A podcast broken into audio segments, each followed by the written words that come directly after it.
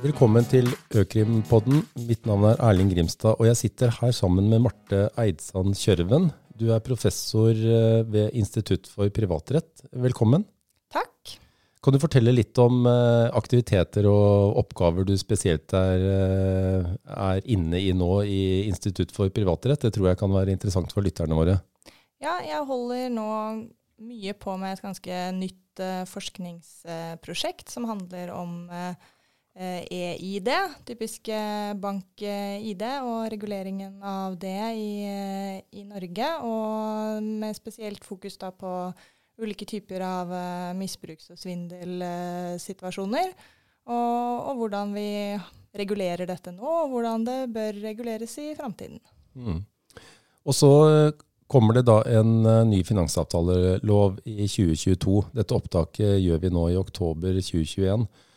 Uh, og der uh, er det interessant å bl.a. se på forbrukernes rettigheter i svindeltilfeller. Så vi skal snakke litt om svindel, som er en del av temaet økonomisk kriminalitet, og litt om hva vi kan forvente, og hva som er endringer i ny finansavtalelov. Og et spørsmål som er sentralt, er jo finansinstitusjonenes eget ansvar i disse svinntilfellene. Altså en kunde blir eh, fralurt eh, midler på ulike måter. Bank-ID-brikken blir kanskje misbrukt på ulike måter. Svindlere klarer å ta seg til kontoen på ulike måter, og kunden taper eh, midler. Og tenker kanskje som kunde at dette må jo banken eh, svare for. Det er jo et ansvar ikke jeg har som kunde, men som banken må ta. Og, og da oppstår eh, fort spørsmålet om hvilket ansvar finansinstitusjonen eh, Eh, har. Og jeg var med på et, eh, et, kurs som du holdt, hvor du sa noe om at eh, ca. 100 000 nordmenn uh, rammes hvert år av ID-tyveri, altså identitetstyveri. Mm. Og at DNB har meldt i fjor om svindelforsøk på over 1 milliard norske kroner. Så dette er jo et ganske stort tema som opptar ikke bare finansinstitusjoner, men mange kunder som blir forsøkt svindlet, og kanskje utsatt for svindel.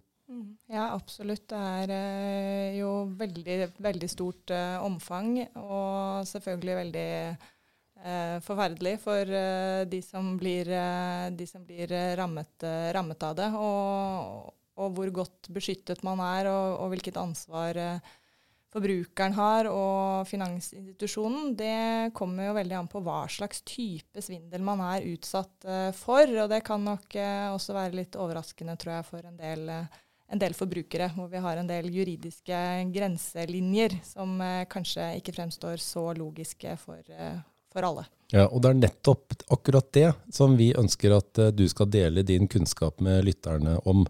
Eh, og Fortell gjerne om ulike situasjoner og ulike muligheter da kundene har til å få dekning av sitt erstatningskrav som oppstår når de har blitt utsatt for svindel.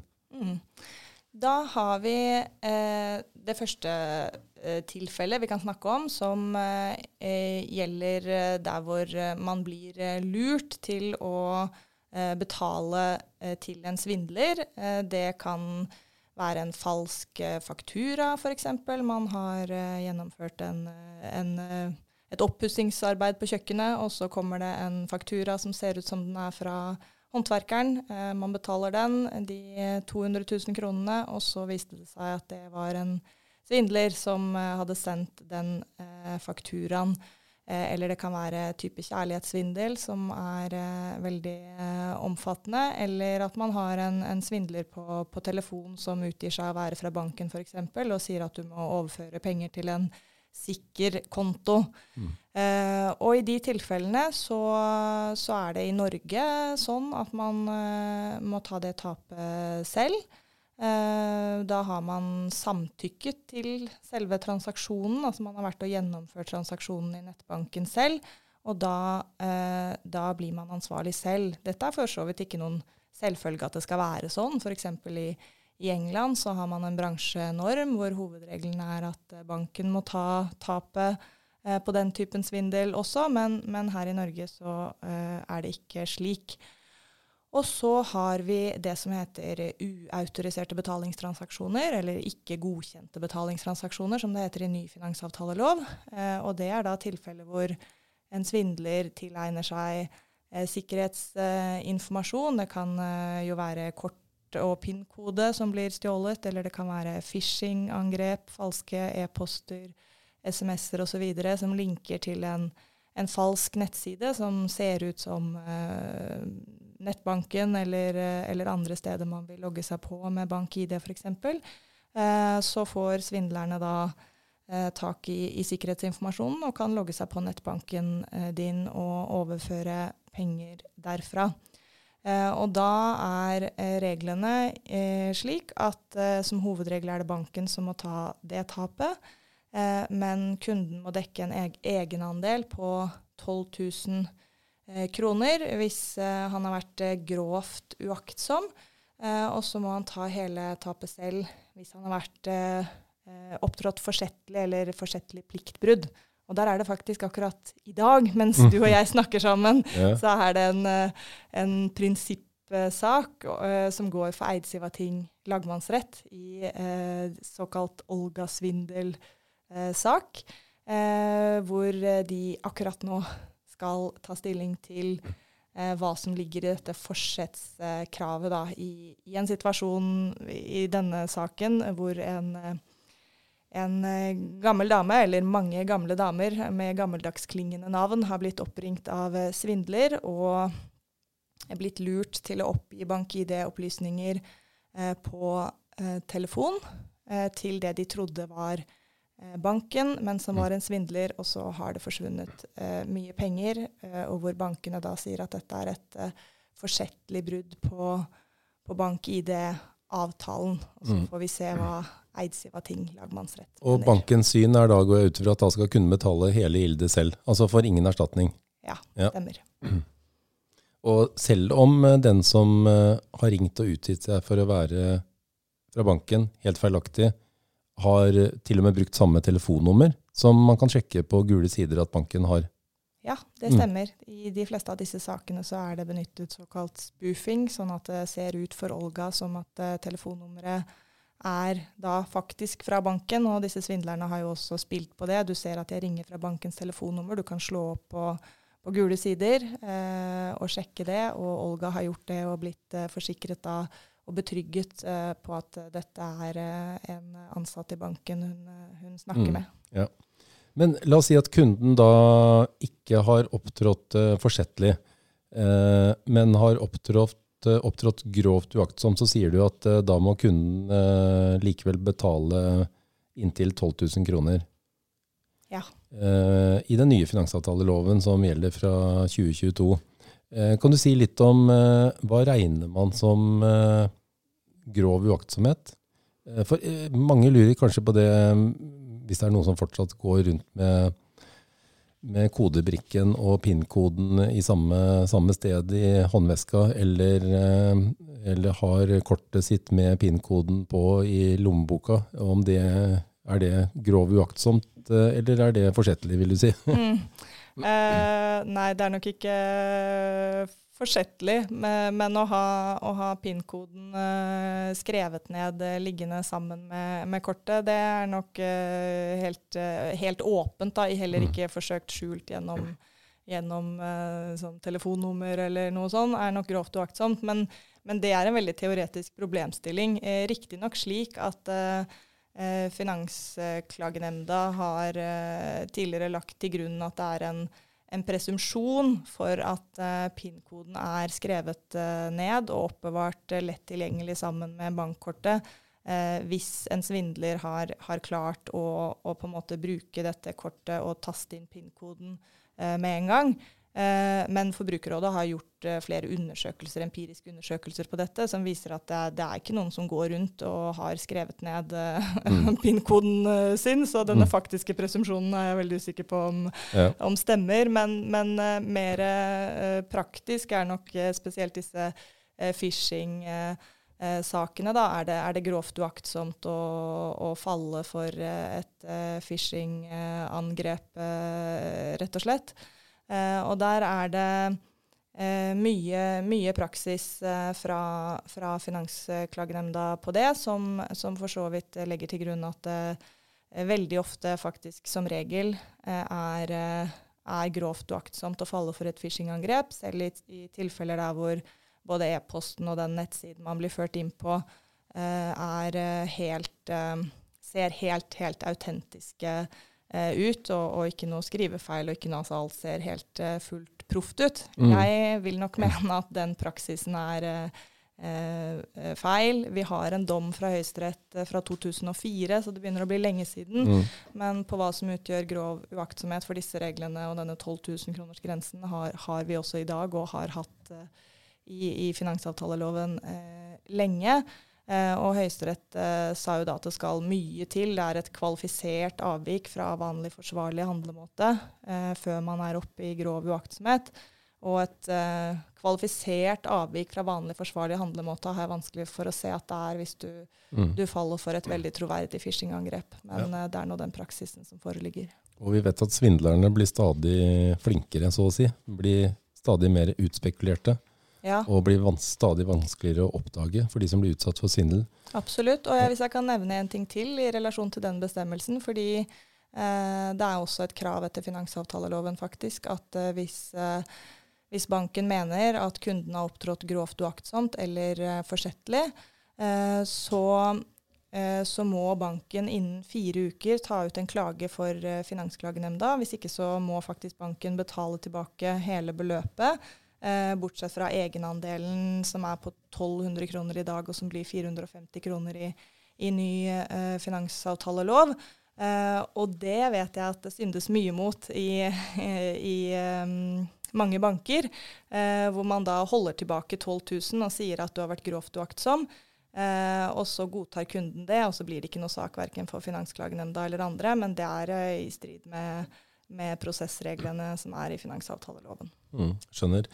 Eh, og denne egenandelen som du snakker om på inntil 450 kroner, det forstår jeg gjelder eh, direkte tap av kort, eller kanskje bank-ID, pga. at eh, vesken, stedet du har oppbevart det, blir stjålet?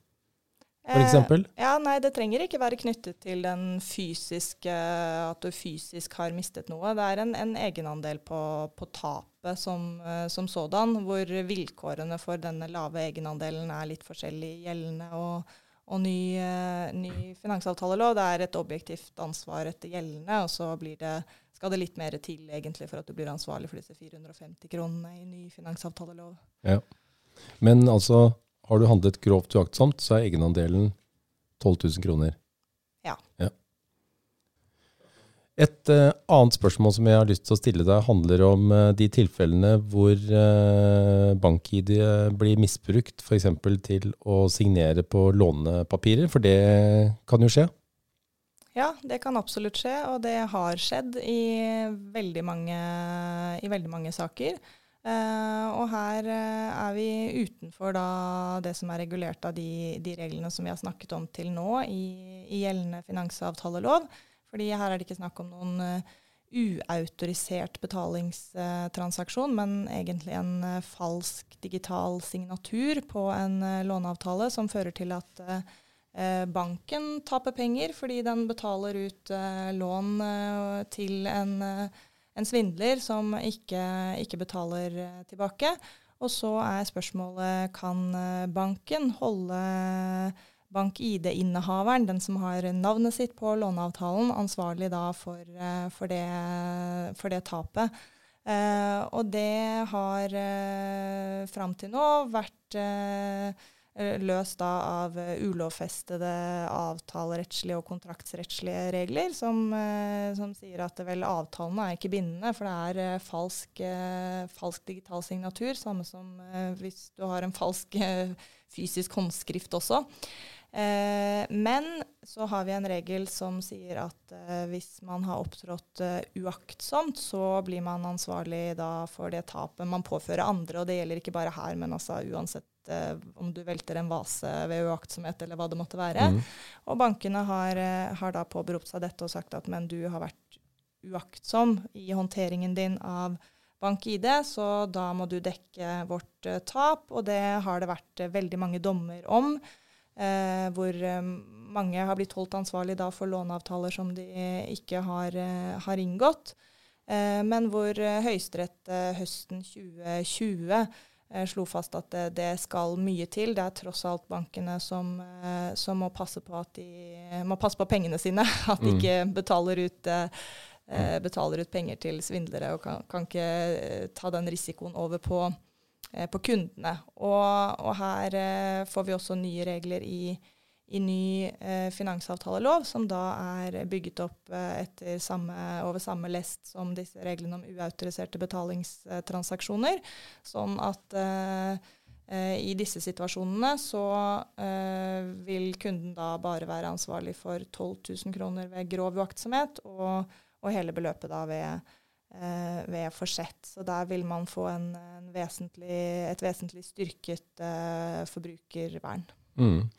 Helt til slutt, vil du si noe om eh, hva er det bankene særlig må være oppmerksom på når vi snakker om svindel og svindeltilfeller framover, når vi får ny finansavtalelov i 2022? Ja, her må man jo passe på å ha eh, gode eh, kontrolltiltak, da, spesielt knytta til, eh, til låne, låneavtaler, som man jo for så vidt burde ha hatt også hele veien. Men, eh, men her kom, får man også en bransjenorm nå i i tillegg til ny, ny finansavtalelov, eh, som er eh, under implementering hos bankene nå, og som trer i kraft fra, fra, etter, eh, fra etter, nyttår, eh, hvor da eh, det er eh, stilt krav både til hvilken informasjon forbrukerne skal ha om bruk av bank-ID, hvilke tiltak man skal sette i verk for å unngå svindel, bl.a. verifisere opplysninger i eh, i kredittsøknader osv. Og, så og også hvordan kundebehandlingen da skal være. Eh, at eh, den som er utsatt for ID-tyveri f.eks. skal få én kontaktperson i, i banken uh, osv. Mm. Eh, da har jeg bare ett spørsmål eh, til. Ja. Hva gjør man hvis man blir utsatt for identitetstyveri? Ja, Da må man eh, i hvert fall forte seg å få sperret eh, bank-ID-en sin. Eh, og det bør skje kjapt hvis dette er snakk om et eh, digitalt eh, identitetstyveri. Eh, og så er det jo om å gjøre å få ryddet opp i, i det kaoset en sånn type forbrytelse kan, kan skape. og da har jeg lyst til å, å, fortelle at vi i dette forskningsprosjektet som del av det også nå er i ferd med å opprette et nytt rettshjelpstiltak som heter ID-juristen. Hvor vi i samarbeid med uh, Jussbuss, JURK og Gatejuristen og syv advokatfirmaer kan gi gratis rettshjelp til alle som opplever da digitalt ID-tyveri, eller som har andre problemer knytta til bruk eller misbruk av e-ID. Eh, Så da kan man også komme, komme til ID-juristen med saken og få hjelp der. Mm. Og ID-juristen, hvor finner man fram til ID-juristen? Hvordan gjør man det enkelt? Ja, akkurat uh, nå som du og jeg snakker, så, uh, så kan man kontakte Gatejuristen. Uh, og så vil det om kort uh, tid komme opp en uh, nettside som man vil finne på, på idjuristen.no. Men uh, as we speak så er den ikke oppe og går ennå. Nei, skjønner. Men Marte Eidsand Kjørven, tusen takk for at du kom til oss og fortalte om svindeltilfeller, hvordan dette håndteres etter ny finansavtalelov i 2022. Hva forbrukere skal være opptatt av, hvilke, hvilket ansvar de har i hvilke situasjoner, og også det du har gitt oss av informasjon om hva bankene skal være opptatt av, og bankenes ansvar. For, også takk for at du kom til studio. Takk skal du ha.